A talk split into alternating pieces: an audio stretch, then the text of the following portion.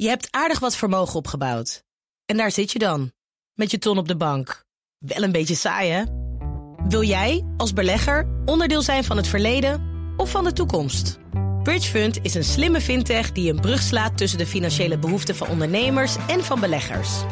Dus wie belegt bij Bridgefund krijgt niet alleen een mooie vaste rente, maar brengt ook ondernemers in beweging. Echt waar, met die ton kan je zoveel betere dingen doen. Bridgefund. Make money smile. Dat dank u wel. Economenpanel. Klaas Knot van de Nederlandse Bank is optimistisch over de economie... maar heeft wel zorgen over de woningmarkt. En volgens de internationale denktank de OESO fleurt de wereldeconomie op... maar het waarschuwt Nederland wel voor een hoge piek in werkloosheid. Dat en meer bespreek ik in het Economenpanel. En daarin zit Barbara Baarsma, directeur van de Rabo Carbon Bank... en hoogleraar economie aan de UvA. En Casper de Vries, hoogleraar monetaire economie... aan de Erasmus School of Economics. Dame en heer, welkom in dit panel.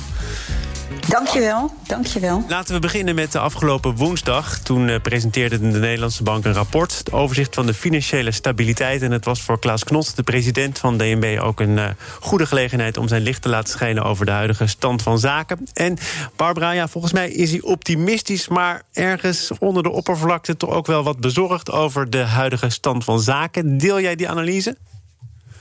Nou, het is natuurlijk zijn taak hè, om uh, enerzijds het optimisme deel ik, maar uh, ja, zij zijn ook voor de stabiliteit van het financiële stelsel. En uh, ondanks het feit dat er nu best veel ruimte is voor optimisme in de zin dat we de coronacrisis langzamerhand achter ons gaan krijgen, de economie verder open gaat, de veerkracht van de economie ook eigenlijk groter is dan velen, en ook vele economen hebben gedacht.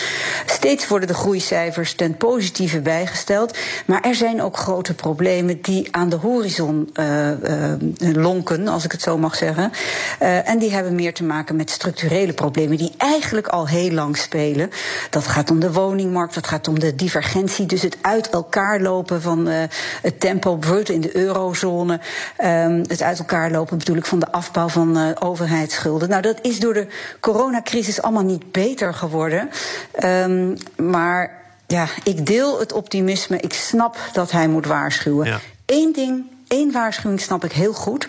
En dat is dat door de coronacrisis het verschil tussen landen erg is toegenomen. En wij moeten ons, ondanks feit dat voor ons misschien reden is voor optimisme, niet te rijk rekenen. Want de coronacrisis is een globale, is een wereldwijde crisis.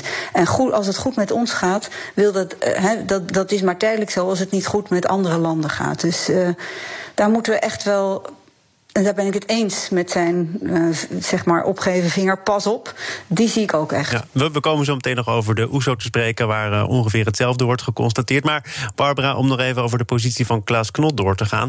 kan hij nou heel veel meer dan waarschuwen? Want hij zegt zelf ook dat hij bij herhaling dezelfde dingen zegt. En dat moet hij dus blijven doen. Het is allemaal hartstikke begrijpelijk. Maar er verandert niet zoveel. Nee, maar ik vind wel heel goed dat hij dat doet. Dat is zijn rol, hè, om ook... Um, advies, wel goed geïnformeerd, goed onderbouwd advies, maar te blijven herhalen over de structurele weeffouten in onze Nederlandse economie, die niet vanuit Europa komen, die niet vanuit andere uh, in, uh, um, uh, landsdelen van de wereld komen, maar die we gewoon thuis gebakken hebben. Dat is de woningmarkt, dat is de arbeidsmarkt. En daar wijst hij, maar velen anderen, keer op keer op. Dus het lijkt een herhaling, de boodschap, maar hier zit de kracht hopelijk in de herhaling. Er wordt nu een nieuw kabinet gevormd.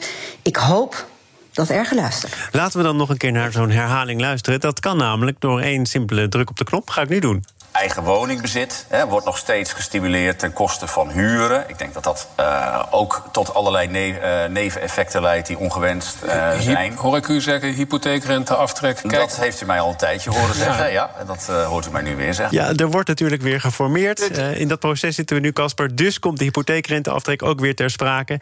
moet daar nu voor eens en voor altijd een punt achter gezet worden, denk jij? Nou ja, uh, eerst een klein beetje uh, reclame maken. Aanstaande vrijdagochtend spreekt Klaas uh, Knot op de Erasmus Universiteit. En dat is meteen eigenlijk na de bijeenkomst van de ECB op donderdagmiddag. Dus dat is na het rentebesluit van, van, van, die donderdag. Ja, ja. Maar ja, het, eh, het is niet alleen de rente op uh, hypotheken, wat in Nederland hè, de aftrek uh, ja, toch ook weer oploopt. Ook vanwege, ja, er is maar een beperkt aantal huizen beschikbaar en iedereen zit tegen elkaar op te bieden. een tweede groot probleem, en dat is echt ook eigenlijk wereldwijd is het feit dat bedrijven en banken de rente ook af mogen trekken. En vandaar voorkeur hebben voor schuldfinanciering. Daar dus- moeten we ook durf tonen om eens wat aan te doen. Dus het, het, is niet alleen die hypotheken. Um, de rente daarop. Maar er wordt, als we toch over die woningmarkt praten, wel iets gedaan om ervoor te zorgen dat bijvoorbeeld starters uh, een betere uitgangspositie hebben. Maar als je dan kijkt naar hoe Knot daar. Ja, maar ze bieden elkaar de markt uit. Ja, dus, dus, ja, die zadelen zichzelf met enorme schuld dus in feite is dat het overhevelen van geld van uh, jongeren naar oud. Ja, willen we dat nou echt? Nou, maar jij wijst op, op zaken die uh, wereldwijd spelen. Um, Barbara zei net, het zijn voor een deel problemen die we hier toch echt zelf lokaal gebakken hebben. Wat maakt de Nederlandse positie dan anders dan in andere landen, Casper?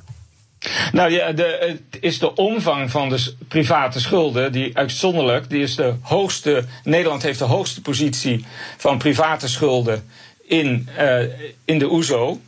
Dus van alle landen uh, is die het hoogste. Daar staat ook wat tegenover. We sparen natuurlijk ook als gekken in uh, het pensioenstelsel.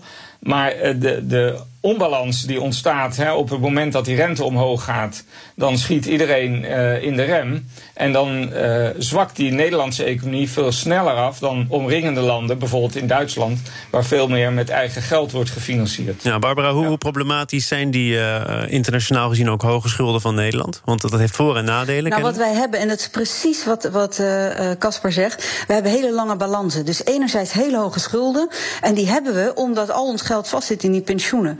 Um, en dus we, die hebben we wel, maar die komen pas later. Dus je moet, uh, weet ik veel, als je een huis gaat kopen, 20, 30, 40, uh, ga je schulden aan, omdat je een groot deel van je inkomen naar je pensioen gaat. Die lange balansen, die maakt dat uh, Nederlandse huishoudens veel gevoeliger zijn dan de huishoudens in, in andere Europese landen voor bijvoorbeeld huisprijsdalingen. Nou, dat zagen we in de, na de, in de financiële crisis. Um, en toen is in Nederland echt, we hebben een, een veel diepere dip gehad, veel langere dippen ook gehad dan de ons omringende landen. Hm.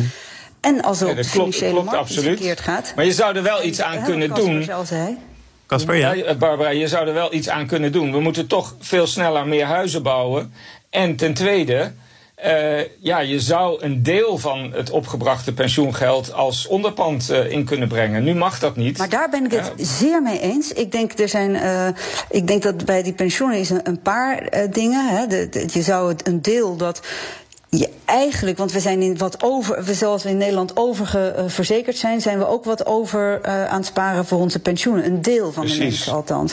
En die mensen, die kan je identificeren. En dat zijn vaak huizenbezitters, eerlijk gezegd, want die hebben ook al de overwaarde van hun huis.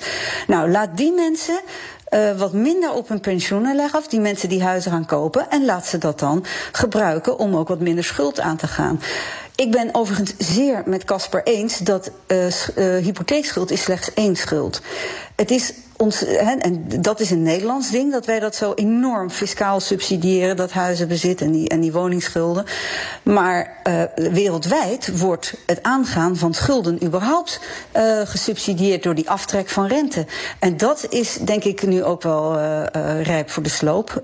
dat heeft Klaas volgens mij, Klaas Knot, pardon, in de nou, Tweede Kamer. Als jij Klaas mag zeggen, dan moet je dat ook hier doen hoor. Ja, ja, ja, ja. Maar het is wel iets dat heel belangrijk is. Want dat, dat zorgt ervoor dat mensen veel meer risicodragend vermogen ook gaan inbrengen. En dat de buffers, net zoals we willen dat banken buffers hebben, willen we eigenlijk ook dat bedrijven buffers ja. hebben. Willen we dat mensen huishoudensbuffers hebben. Nou, en daar, daarom is het denk ik verstandig om iets aan die renteaftrek te doen.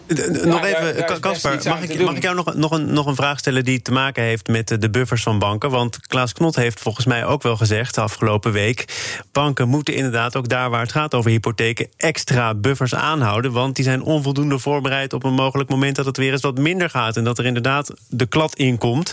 Uh, is dat een terecht punt van zorg? Ja? Nou ja, ik vroeg me af. Dus uh, Klaas Knot pleit hier voor extra buffers van banken. Aan nee, aan jou, Casper. Helemaal aan jou, persoonlijk. Ah, ah oké, okay, sorry. Uh, Nee, ja, uh, ja dus ab absoluut. Uh, dus dus de, de banken die, uh, ja, die, die hebben zo weinig kapitaal, nog steeds, ondanks wat er dan iets van extra bij is gekomen, dat we nog steeds grote risico's lopen. dat is trouwens niet alleen in Nederland, maar ook dat is bijna wereldwijd. Die hefboom in de banken is veel te groot. En je kan er best wel iets aan doen.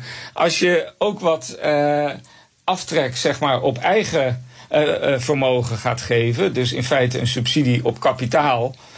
dus een, net zo'n aftrek als je op de rente geeft. De rendement op kapitaal gaat subsidiëren. En de, en de belasting wat omhoog doet. Dan laat onderzoek zien dat dat het de hoeveelheid eigen vermogen in banken en, en, en bedrijven doet toenemen. We gaan uh, praten over iets wat volgens mij ook op jullie beide agenda staat, namelijk de toenemende ongelijkheid tussen arm en rijk, ook tussen landen onderling. Zaken doen, Thomas van Zeil. En dat doe ik met het economenpanel. Daar is het Barbara Baarsma, directeur van de Rabo Carbon Bank... en hoogleraar economie aan de Universiteit van Amsterdam... en Casper de Vries, hoogleraar monetaire economie... aan de Erasmus School of Economics. Komende week spreekt daar Klaas Knot.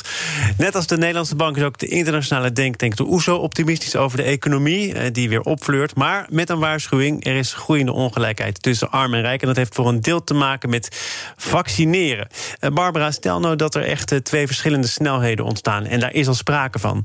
Wat zijn daar dan mondiaal de gevolgen van? Nou, ik ben econoom, ik ben geen uh, viroloog of wat dan ook. Maar wat de virologen zeggen is dat een gevaar ook is dat die landen waar minder wordt gevaccineerd, of veel trager wordt gevaccineerd, er meer ruimte is voor mutanten om, te uh, om zich te ontwikkelen. En uiteindelijk zouden die ook weer bij ons terecht kunnen komen. Dus daar zit uh, het, het, het, gedeelde belang om de vaccinatiesnelheid over de hele wereld verder uit te werken. verder gelijk te trekken, gelijkeur te trekken. En vervolgens is het zo dat sommige landen veel minder uh, buffers hadden veel minder de mogelijkheid hadden om het kapitaalmarkt enigszins goedkoop bij te lenen. Want in Nederland konden we dat echt heel makkelijk doen.